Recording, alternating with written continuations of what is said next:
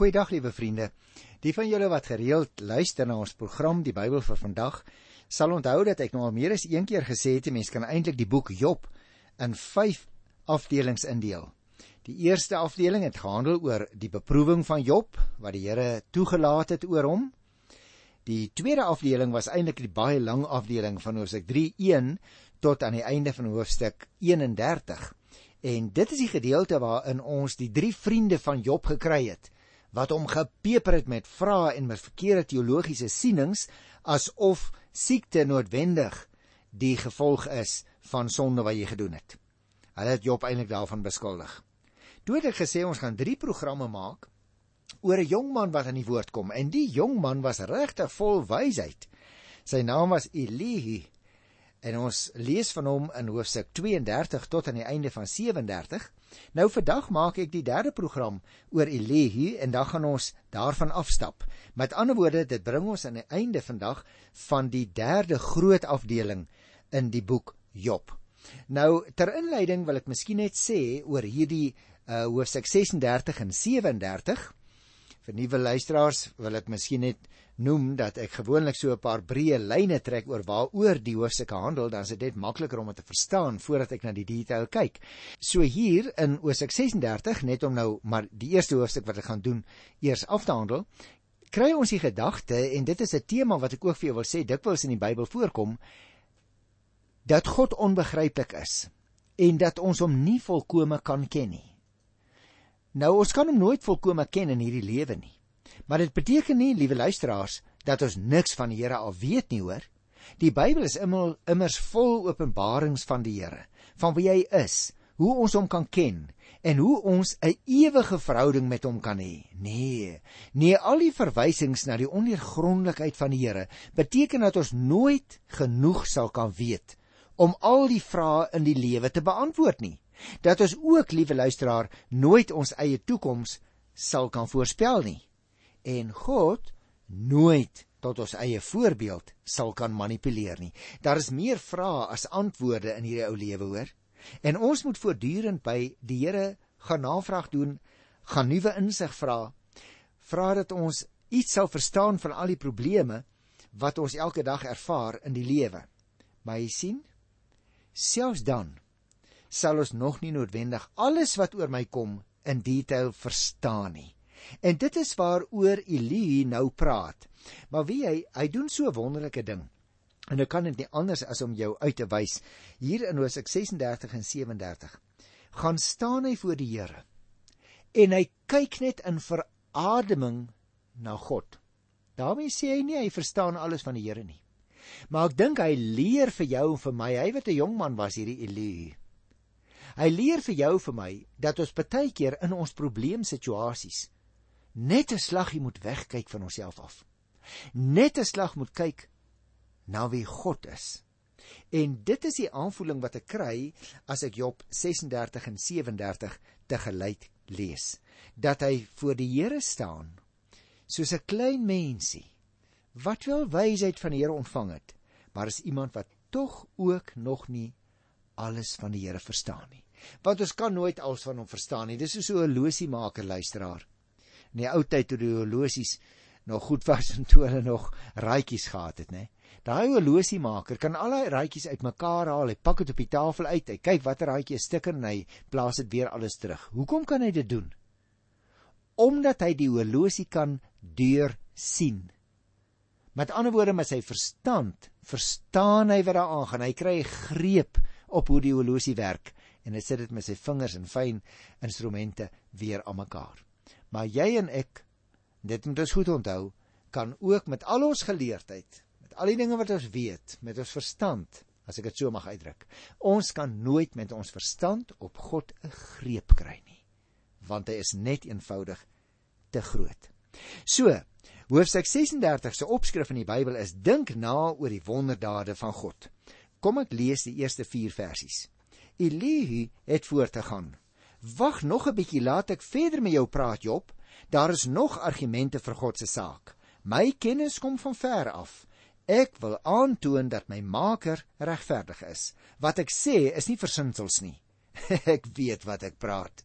Jy sien, Eli sê dus ek het nog argumente waarmee ek God se saak by jou kan bepleit ou Job. En weer eens maak hierdie jongman daarop aanspraak dat hy oor sekere besondere kennis beskik.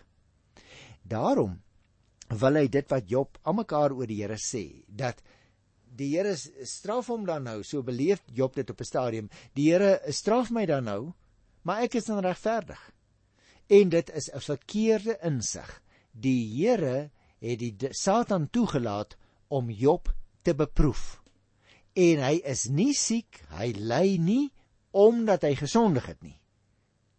Daar kan nie sonder meer, liewe luisteraar, 'n direkte lyn getrek word tussen siekte en sonde nie. Nou Elie weet natuurlik hulle dinge, hierdie dinge en dit wat hy sê het hy nie versin nie. En dit kon Job van die drie vriende se argumente sê. En dit het Elifas van Job se woorde gesê. So kom ons lees vers 5 tot by vers 11. God is magtig, maar hy sien op niemand neer nie, ou Job. Hy is magtig en sy wysheid is groot. Hy laat die goddeloses nie in die lewe bly nie. Hy laat reg geskied aan die verdruktes. Hy sorg vir die regverdiges. Hy laat konings regeer selfs baie lank. Maar as hulle hulle verhef, word hulle gevangenes. Vasgevang in boeye, geknel deur swaar kry, So laat God hulle besef wat hulle gedoen het, hoe hulle gesondig het toe hulle hoogmoedig geword het. Hy laat hulle ag gee op sy bestraffing. Hy vermaan hulle om hulle van die sonde te bekeer. As hulle luister en hom dien, sal hulle hulle dae in voorspoed deurbring, hulle jare in welvaart. Nou in aansluiting byvoorbeeld by die 9de hoofstuk, daar by vers 4 en by vers beklemtoon Elihu God se mag en God se wysheid. Al het die Here niemand te vrees nie, misbruik hy nooit sy mag nie, as ek dit so mag uitdruk.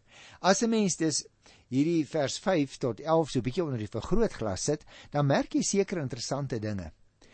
Die Here gebruik soms slegte dinge om onreg te straf en verdruktes te help. Die oordeel oor die goddeloses bring redding vir die regverdiges. Konings regeer wel lank, maar as hulle sondig, maak God van hulle kruisgevangenes in sommige gevalle. Ons het alreeds byvoorbeeld ook geleer uit Hosea 34 by vers 14 en vers 19 dat swaar kry 'n stuk prediking kan wees. Dit roep tot die een wat swaar kry. Dit roep ook teen die wat rondom die bed staan en luister en kyk na die siekte. Want jy sien, die Here maan ons wat nog gesond is teen selfverheffing, want God het 'n afkeer van hoogmoed by 'n mens. Wie dus na die prediking luister en hom van sy sonde bekeer, het ons hier gelees, ontvang vergifnis. Wie God dien in opregtheid, beleef ook voorspoed. Ons het dit byvoorbeeld geleer by Hosea 11, daar by vers 13 tot by vers 19. Ek dink met alles wat Elihu hier sê, wil hy uiteindelik as ek 'n neutedop tot sover mag opsom, wil hy vir ons sê hoor hierson. God werk nie volgens 'n vasgestelde program nie. God werk el met elke mens en met elke individu in sy eie situasie op 'n unieke manier. In sommige gevalle kan siekte die gevolg wees, direkte gevolg wees van sonde. Maar in ander gevalle is die Here soms besig om mense juis deur lyding en swaar kry te beproef en hulle terug te roep na hom toe. In ander gevalle, as ek 'n derde kategorie mag noem, het die mens gewoon nie 'n antwoord op sy moeilike omstandighede nie. Maar ten spyte van sy omstandighede kan hy weet as hy in Christus glo, hy behoort aan die Here. So kom ons lees vers 12 tot 15. As die mense nie luister nie, sal hulle sterf. Sal hulle doodgaan omdat hulle nie tot insig wou kom nie. Die godloses hoop die toorn van God nog meer teen hulle op. Hulle roep selfs nie om hulp as God hulle in boeye laat vasvang nie. Hulle gaan jonk dood. Hulle skandelike lewe is gou verby, maar God bevry die mense in nood uit hulle ellende. Hy laat hulle op hom ag gee in hulle verdrukking. Nou as hier dus staan in die 12de vers wie nie luister nie sterf omdat hy nie tot insig wou kom nie deurdat hy hom natuurlik nou nie aan die Here gesteur het in dit wat die Here vir hom wou leer nie. En daarom lees vers 13 en vers 14 tot 15 so en leer dit ook vir ons belangrike dinge soos byvoorbeeld so vers 13 so laat die godloses God se toren nog meer ontbrand want hulle pleeg nie net onreg nie hulle hou hulle selfs in die tyd van nood en swaarkry onafhanklik van die Here hulle beskou lyding en broer en suster jy kan maar net rondom jou kyk en sê jy dit sien in die lewe daar buitekant godlose mense beskou selfs lyding nie as 'n manier waarop God hulle soms wil aanspreek nie. En daarom ignoreer hulle sy roepstem. Verontagsaming van sy woord word egter swaar gestraf. Jy moenie dink, liewe luisteraar, dat die Here sy woord leeg na hom toe laat terugkeer nie. Hy laat sy woord saai in hierdie wêreld en uiteindelik verwag hy 'n oes. Sy woord keer nooit leeg na hom toe terug nie. Luister na vers 16 tot by vers 18. God het jou na hom toe getrek, weg van gevaar af. Hy het jou veilig laat lewe, dit was rustig aan jou tafels vol oorvloed.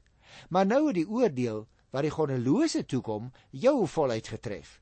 Oordeel en straf het jou ingehaal. Moenie dat jou grief jou tot uitharting verlei nie. Moenie jou saak weer regstel met 'n groot omkoop geskenk nie. Nou is interessant, né? Elie sê: "Job, jy moet onthou, ou maat, die Here was baie goed vir jou en jy het dit geniet. Maar nou aanvaar jy nie die straf uit God se hand nie. Dis natuurlik die probleem, luisteraar. Hy lê onder die oordeel staan daar wat die goddeloses toekom en hy weet nie waarom die straf hom nou ingehaal het nie. Want ek wil weer eens sê, jy en ek moet nou onthou, Ons weet want die Bybel sê dit aan die begin van die boek Job. Ons weet dat die Here die Satan toelaat om Job te laat swaar kry en te laat ly. Maar sy vriende weet dit nie en hy weet dit self ook nie. Job het skade en self siekte aanvaar, maar dit is die waarom vraag in sy hart wat hom laat praat het. Nie noodwendig 'n grief nie. En daarom, liewe luisteraar, wil ek direk oorgaan na die 37ste hoofstuk, want hier kry ons net soveel interessante inligting. En ek wil eers vir jou 'n oorsig daarvan gee en dan net sekere aspekte uitwys uit die teks self. Ek dink die inhoud kan soos volg saamgevat word. Niemand en niks kan regtig met God vergelyk word nie. Sy mag en sy teenwoordigheid is onsagwekkend en as God praat, sê Elihu vir Job, dan moet jy en ek as mensies luister. Liewe luisteraar, dit lyk so vir my as ek hier na Elie luister dat ek vir jou mag sê ons wil so dikwels namens die Here praat. En dit is wat hier gebeur het in die hele boek Job eintlik. Job se 3 eerste 3 vriende wou namens die Here praat. Of soms met respek gesê, wil jy en ek die Here woorde in die mond lê? Ons wil as dit ware dit wat gebeur met iemand regverdig voor daardie persoon as God se sleg saak wat tog 'n oorsaak het. En ons maak regtig van onsself gekke. Dit is wat Elihu hier sê. Jy sien, jy en ek aanvaar die Here te dikwels as vanselfsprekend en dan interpreteer ons ook die Here se stilte as 'n afwesigheid of 'n onverskilligheid van God se kant. Dit is nie so nie. God gee om. Hy is in beheer. Hy sal praat. Wees gereed om sy stem te hoor. Of jy sy stem hoor in die Bybel, soms deur die besondere werking van die Heilige Gees in jou lewe, soms in omstandighede hoor, en soms praat die Here met ons in verhoudings waar iemand anders 'n mondstuk van die Here kan wees sonder dat hy of sy dit soms besef hoor. Elihu het God se soewereiniteit oor die natuur byvoorbeeld beklemtoon om Job des te sterker daaraan te herinner dat die Here soewerein is oor ons lewens. God is in beheer. Hy lei, hy bewaar, hy sorg ook vir die skape van sy kudde. Al kan jy en ek dit nie altyd sien nie, is die Here in sy goddelikheid ook besig om mense se lewens op politieke en op morele vlak te beheer jy al gedink? Daar was 'n tyd waar baie dinge ook in die naam van die politiek, soms in die naam van die Here gedoen is, maar totaal teenstrydig met die skrif. Daar is in die geskiedenis van die kerk, liewe luisteraar, 'n hele paar hoofstukke wat 'n mens liewer nie wil lees nie. Hoe ander mense in naam van die Here deur Christene uitgewis is. Daardie sogenaamde kruistogte. Dit het baie vroom geklink dat hulle letterlik die kruis as dit ware vir die Here opgeneem het. Maar dit was alles behalwe wat die Here van ons verwag het. Daarom moet ons ook, jy en ek ook, die majesteit en die oneindige verweefdheid van denke en ook van die skepping raak sien en dit bestudeer. Liewe luisteraar, ek te vermoed dan sal ons opnuut herinner word aan die feit dat die Here beheer het oor elke aspek van jou en my lewe. En dan sal jy sien hoofstuk 36 en 37 word dus as dit ware afgesluit as jy die hele hoofstukke lees, sal jy sien met die een groot waarheid. Wat is dit? Dat geloof in God baie belangriker is as 'n Job se begeerte om uit te vind hoekom hy ly. Mag ek dit weer vir jou sê want dit is baie belangrik. Glo in God, liewe luisteraar. Moenie al jou aandag en al jou energie laat opgaan in die begeerte om te weet hoekom jy so swaar kry nie. Fokus al jou aandag en energie op die Here. Nou ek dink Elie het seker baie dinge van waarde gesê heel waarskynlik vir Job ook en vir ons ook wat ons troos wat ons nie op 'n afdraaipaadjie sal laat beland nie. Maar ek dink die belangrikste ding vir my liewe luisteraar wat Elihi hierdie jong vriend van Job vir hom kom sê is dit. Fokus jou aandag op God en nie op jou omstandighede nie. Want 'n sekere kategorie van vrae wat jy vra sal jy nooit die antwoord kry nie moenie dan wegkyk van die Here af nie. Kom ek sê dit andersom? As jou oog vol is van die Here, dan word die branders in die lewe kleiner. Goed, kom ek lees die eerste paar verse dan van Job 37. Dan begin ek bewe, gaan my hart aan die ruk. Hoor hoe bulder die stem van God, hoe dreun dit uit sy mond. Hy laat dit losbreek in die lewensruim. Hy laat blits tot by die uithoeke van die wêreld. En dan kom die donderslag. God laat sy magtige stem hoor. Hy stuur die onweer in volle krag wanneer hy sy stem laat hoor. Met sy stem laat God magtige dinge gebeur. Hy doen groot rade en ons ons begryp dit nie. Is dit nie baie mooi gesê nie? Hy sê ag Job, kom ek vertel jou sommer van die natuur. Luister na die donder weer my ou maat, dan sal jy weet hoe groot God se stem is en hoe geweldig sy dade is wanneer die blitse slaan. Hy sê die einde van vers 5. Die Here doen groot dade en ons begryp dit nie. Jy sien dus hierdie hierdie styl wat Elihu het. Hy gaan staan as dit ware buitekant die natuur. Hy kyk na die natuur en vir 'n keertjie besef hy wie die Here is en hy probeer Job daarvan vertel. Kom ek lees Hoofstuk 37 vers 6 tot by vers 8. Die Here beveel die sneeu om op die aarde te val Die reëns val, stort reëns wat getuig van sy krag.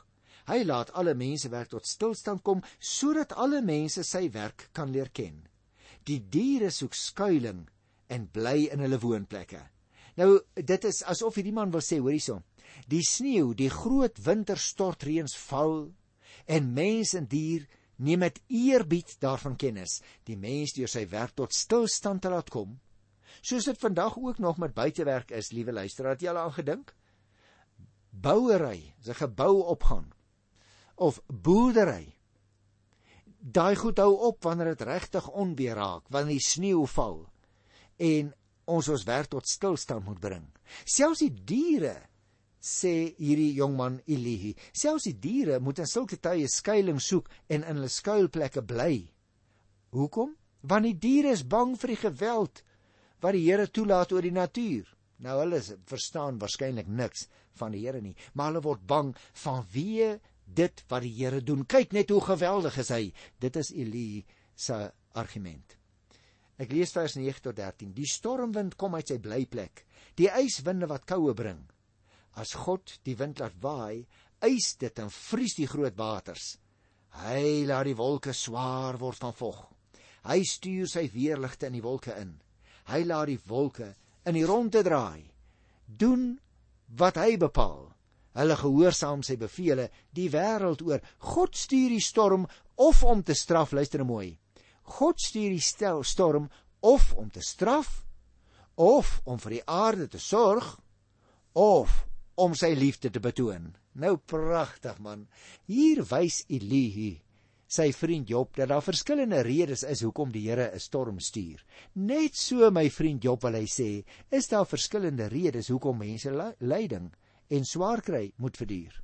Partykeer kan ons dit verklaar, partykeer nie.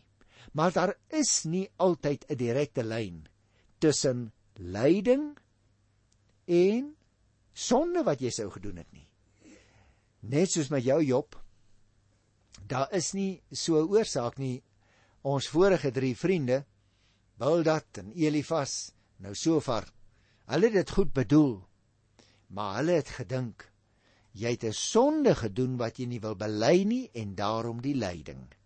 Hy sê man, dit is nie so nie. Die Here dink nie so in klein kassies en in klein raampies soos mense nie. Kom ek lees vers 14 tot by vers 16. Luister hier na Job, staan stil en dink na oor die wonderdade van God. Weet jy hoe hy dit alles voorberei? Hoe hy die lig deur die wolke laat breek? Weet jy hoe die wolke sweef?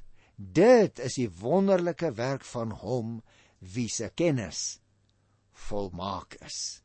Met ander woorde, al verstaan jy nie hoe die dinge werk nie, die Here bly in beheer. Hy sê hier in vers 14 tot by vers 16, daar's nog wonderdade van God oor waarop jy kan nadink.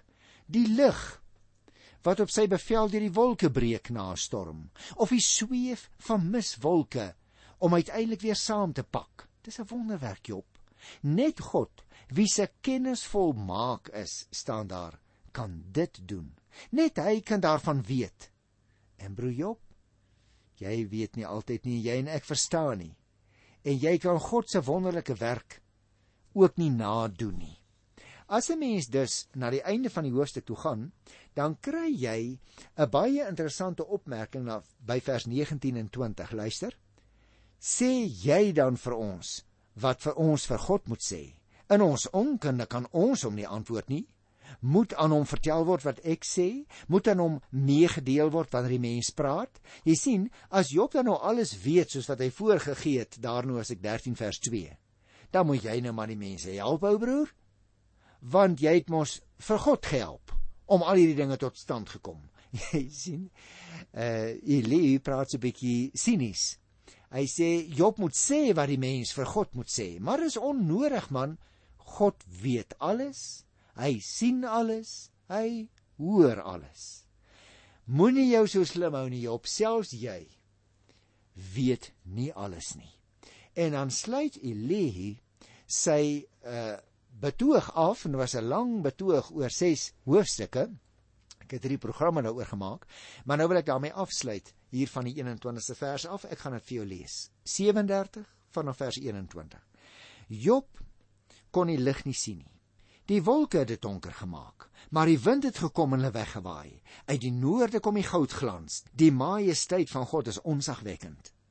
Ons kan by die Almagtige nie kom nie, Job. Sy krag is groot. Hy laat reg en geregtigheid geskied. Hy verdruk niemand nie. Daarom dien die mense hom. En sien die Here nie die raak wat dink dat hulle wysheid het nie. Mag ek vir jou die vraag vra luisteraar? sien jy die wyse mense raak wat dink hulle weet alles of kyk jy na die Here want by hom is die wysheid te vind. En hy maak nooit 'n fout nie. Ek groet jou in sy wonderlike naam liewe luisteraar. Tot volgende keer. Tot dan. Totsiens